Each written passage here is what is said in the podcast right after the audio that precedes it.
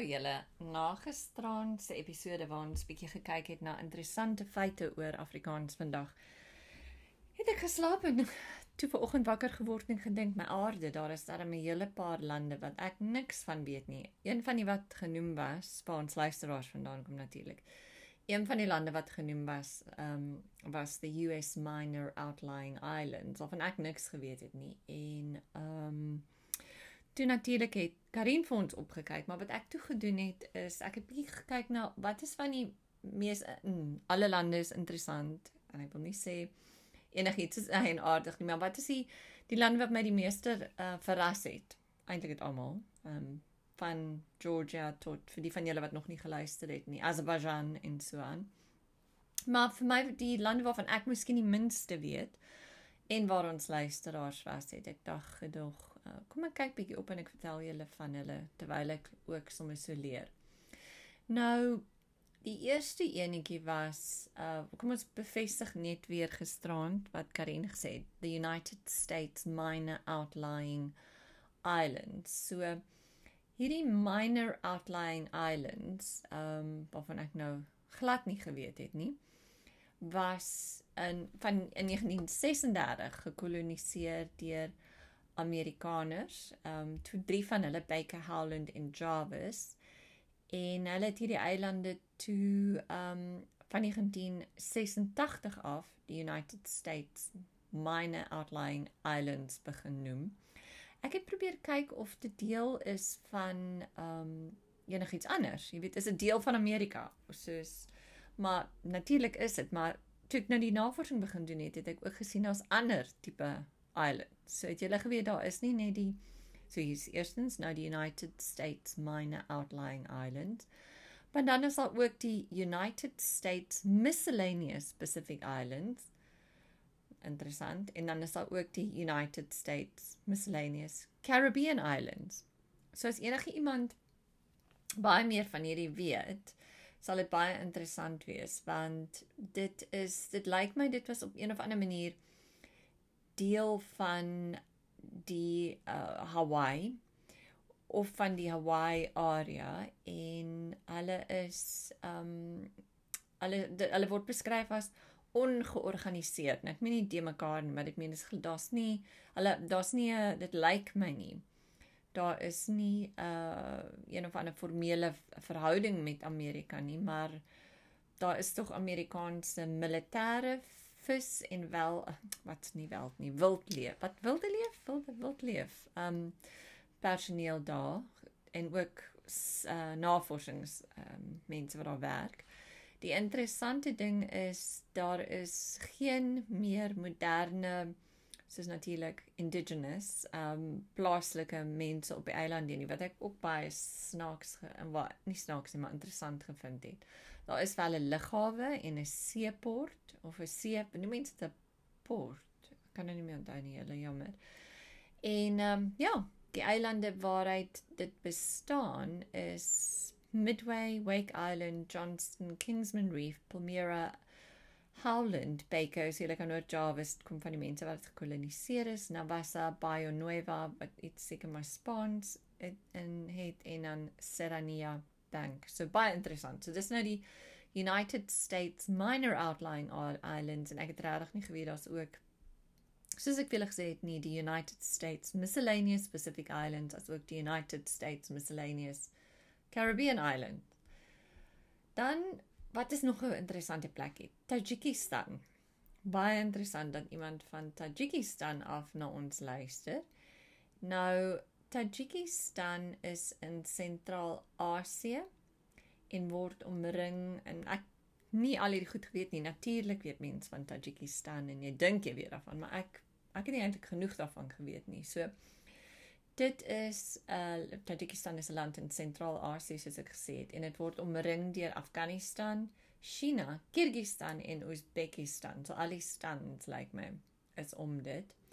En dit is baie wel bekend vir die pragtige berge en baie mense klim en uh, loop in hierdie pragtige berge. So as jy kyk byvoorbeeld op die um internet, sal jy die Fun Mountains F A N N sien wat naby die hoofstad van Tajikistan is en die hoofstad van Tajikistan is Dushanbe. D U S H A N B E. En die berge om Dushanbe is snow-capped mountains that rise over 5000 meters. So dis baie hoog. En ehm um, daar is 'n ehm um, ook 'n pragtige natuurreservaat as jy na kyk. Google dit dan kan jy 'n bietjie kyk so die natuurreservaat se naam is Iskergand. Okay, okay, like kan dit dalk nie sê nie. Iskanderkulski Nature Refuge, nie net 'n reserve nie, maar dit het ehm um, is genoem hierdie reserve is genoem na ehm um, 'n voël. Die ehm um, Iskerkandolvoël en 'n blou blou blou meer wat deur die ehm um, wat is 'n glacier nou weer in Afrikaans ek kan nie onthou nie. So hulle geld in Tajikistan, so die hoofstad is Satis Dushanbe. Die geld is Tajikistani Simoni en ehm um, hulle het hulle offisiële taal is Tajiki natuurlik, maar ek weet nie hoe dit klink nie. Dit sal nog interessant wees om te hoor. Die bevolking is omtrent amper 10 miljoen. Dis 'n uh, presidensiële regering. Wel dit word dis interessant hoe dit beskryf word, wie weet, né? Dit sê dis 'n 'n enkel staat met 'n presidensiële stelsel en semi presidensiële regering. Nou wat ek weet nie wat dit meen nie. Tajikistan se hulle is baie bekend soos ek nou vir julle gesê het vir van die mooiste inspiring high altitude scenery. Dit was die hartjie in die hartjie van die Silk Road lank terug en is ook die uh, home to the world's longest glacier outside the polar regions. Julle dat ek wat is 'n glacier? Ek moet net gaan opsoek want ek voel nie goed as ek dit nie kan sê nie. Glacier Afrikaans. Kan ek my weer tik? Translation glacier Afrikaans trans. 'n Gletser. Okay, so dis wel vir die groot lang dis dit het die langste gletser ehm um, buite ehm um, enige van die polar ehm um, oh, hier's 'n interessante ding. Die stad, die hoofstad wat ek vir julle gesê het, Dushanbe, is genoem na 'n uh, dag van die week, so een so Dushanbe is ehm um, dan 'n dag van die week. En ehm um, dis pragtig as jy 'n bietjie kyk. Dit herinner my vir die van julle wat dalk in China was, my laat dit 'n bietjie dink aan China om um, die natuur skoon. Dis toe ek ja, ek was baie bevoorreg om die Great Wall of China te loop. So dis nou Tajikistan. Die volgende interessante een waar ek ook niks gewees het nie is Suriname en dit is in Suid-Amerika. Nou Suriname is 'n baie baie klein landjie aan die noordoos noordoor ag julle noordooste kus van Suid-Amerika en het vreeslik baie ehm um, uh, reën nie reënwoude nie, rainforests, so tropical rainforests. Dit was 'n Hollandse kolonie. So dit lyk baie soos daar's baie Hollandse invloed wat vir my baie interessant is en ek sal graag wil weet of die mense wat van daar af luister, wat is wat is julle um agtergrond? So die um hoofstad van Suriname is Param, mag ek net vir julle mooi lees. Dit klink soos Pada, Para. Paramaribo en dit is in in hierdie hoofstad het hulle pragtige palmtuine in in in wat van die 17de eeu um afgekom het en daar 'n uh, eh, um geplant is en ook die hulle het pragtige pragtige uh, um kathedraal wat uit hout gemaak word. O, julle luister hierso, die offisiële taal vandag nog is Hollands. Dis baie interessant. En die bevolking is maar net 612000. So sê maar teken nou so 620000 en hulle geld is die Sudan Surinamiese dollar, Surinamiese dollar. So daar is Suriname. En ja, so dit was 'n kolonie. In 1954 het hulle onafhanklik geword en die Sudan Surinamiese mense um het 'n baie ster, sterk sterk koneksie soos ons hoor hierso met um Holland. En ek wonder ook of die Hollands wat hulle daar praat dan nog dieselfde klink as die Hollandse wat altyd sê Afrikaans klink oud. So die tipe mense, nou dis baie interessant, die populasie, die bevolking van Suriname het verskillende etniese groepe, so die Afro-Surinamies wat Creole um is of ook uit die Amazon kom, dan het jy die Indo-Surinamese wat uit um Indië kom.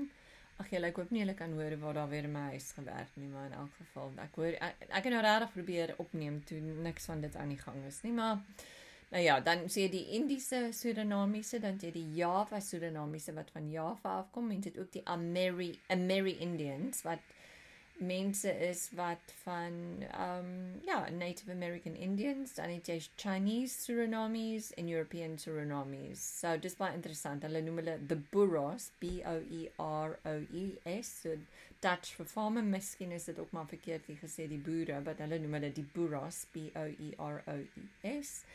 En hulle is die grootste groep van Europese Surinamese. En soos ek gesê het, hulle daar's ook Portugese Surinamese wat van Madeira afkom, Libanese Surinamese en uh Jewish um en dan is daar 'n deel van die bevolking 13% wat hulle noem multiracial Suriname, maar seker 'n bietjie van almal weet, want almal het um seker maar in tyd met mekaar baie goed oor die weg gekom.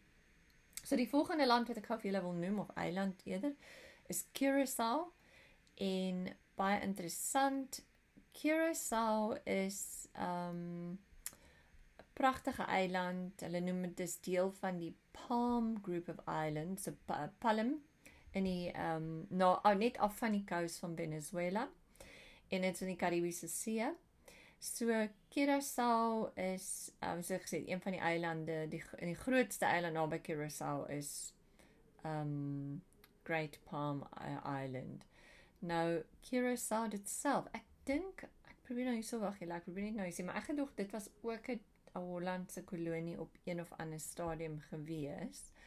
Ehm um, maar ek mag dalk verkeerd wees en die die bietjie wat ek gou vinnig navorsing gedoen het vir julle lyk dit vir my want as ek kyk na die name is daar Willemstad wat ek kopie ja ek weet nie Sabana Curaçao dis baie interessant so hierso het ek nou bietjie meer vir julle so die eiland ehm um, die weer is glo baie goed die hele jaar, so 22 grade so baie kalm weer.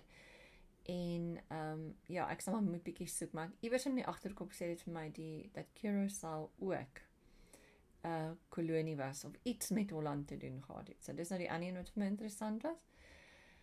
Dan Laos. Uh, Natuurlik weet ons almal van Laos, maar ek was baie vir 'n uh, uh, belang gestel dat ons luisteraars uit Laos en Suidoos-Asië ook het. En dit dit span van die Mekong rivier af wat ook baie pragtige bergterrein het wat Frans koloniale argitektuur het nog baie um hill tribe settlements mense nog baie mense wat in hill tribes bly en baie buddhist monasteries uh, sorry monasteries het um die die hoofstad is Vientiane en dit is die um Tat Luang monument. As jy op die internet ingaan, sal jy hom sommer dadelik herken. Um wat daar is en die die idee is dat glo in hierdie monument is Buddha's breastbone. Um so ons weet nou nie of dit waar is maar natuurlik ja. So die hoofstad soos ek gesê het is Vientiane. Hulle geld is Laotian kip populasie 7.5 miljoen en weer 'n keer die regering is sê was was is nou 'n republiek maar dit was nie pas sosialisties en kommunisties soos jy weet Vietnam en so aan wat om dit is. En ehm um, ja, dit dit's ook pragtig as jy daarna kyk. Pragtige berge alles en is baie mooi.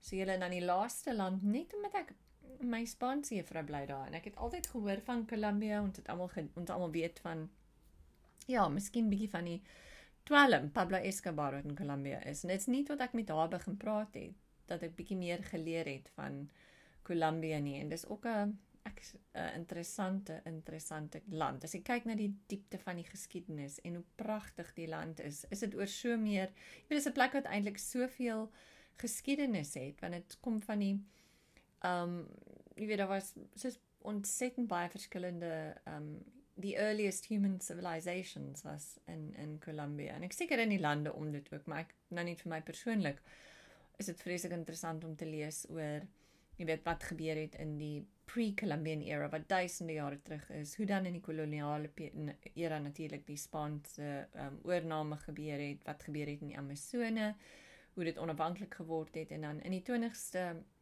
uh nou wil ek sê sê seisoen in 20ste eeu is dit ongelukkig veral bekend vir ehm um, ja, al die negatiewe dwelm publisiteit 20ste en 21ste.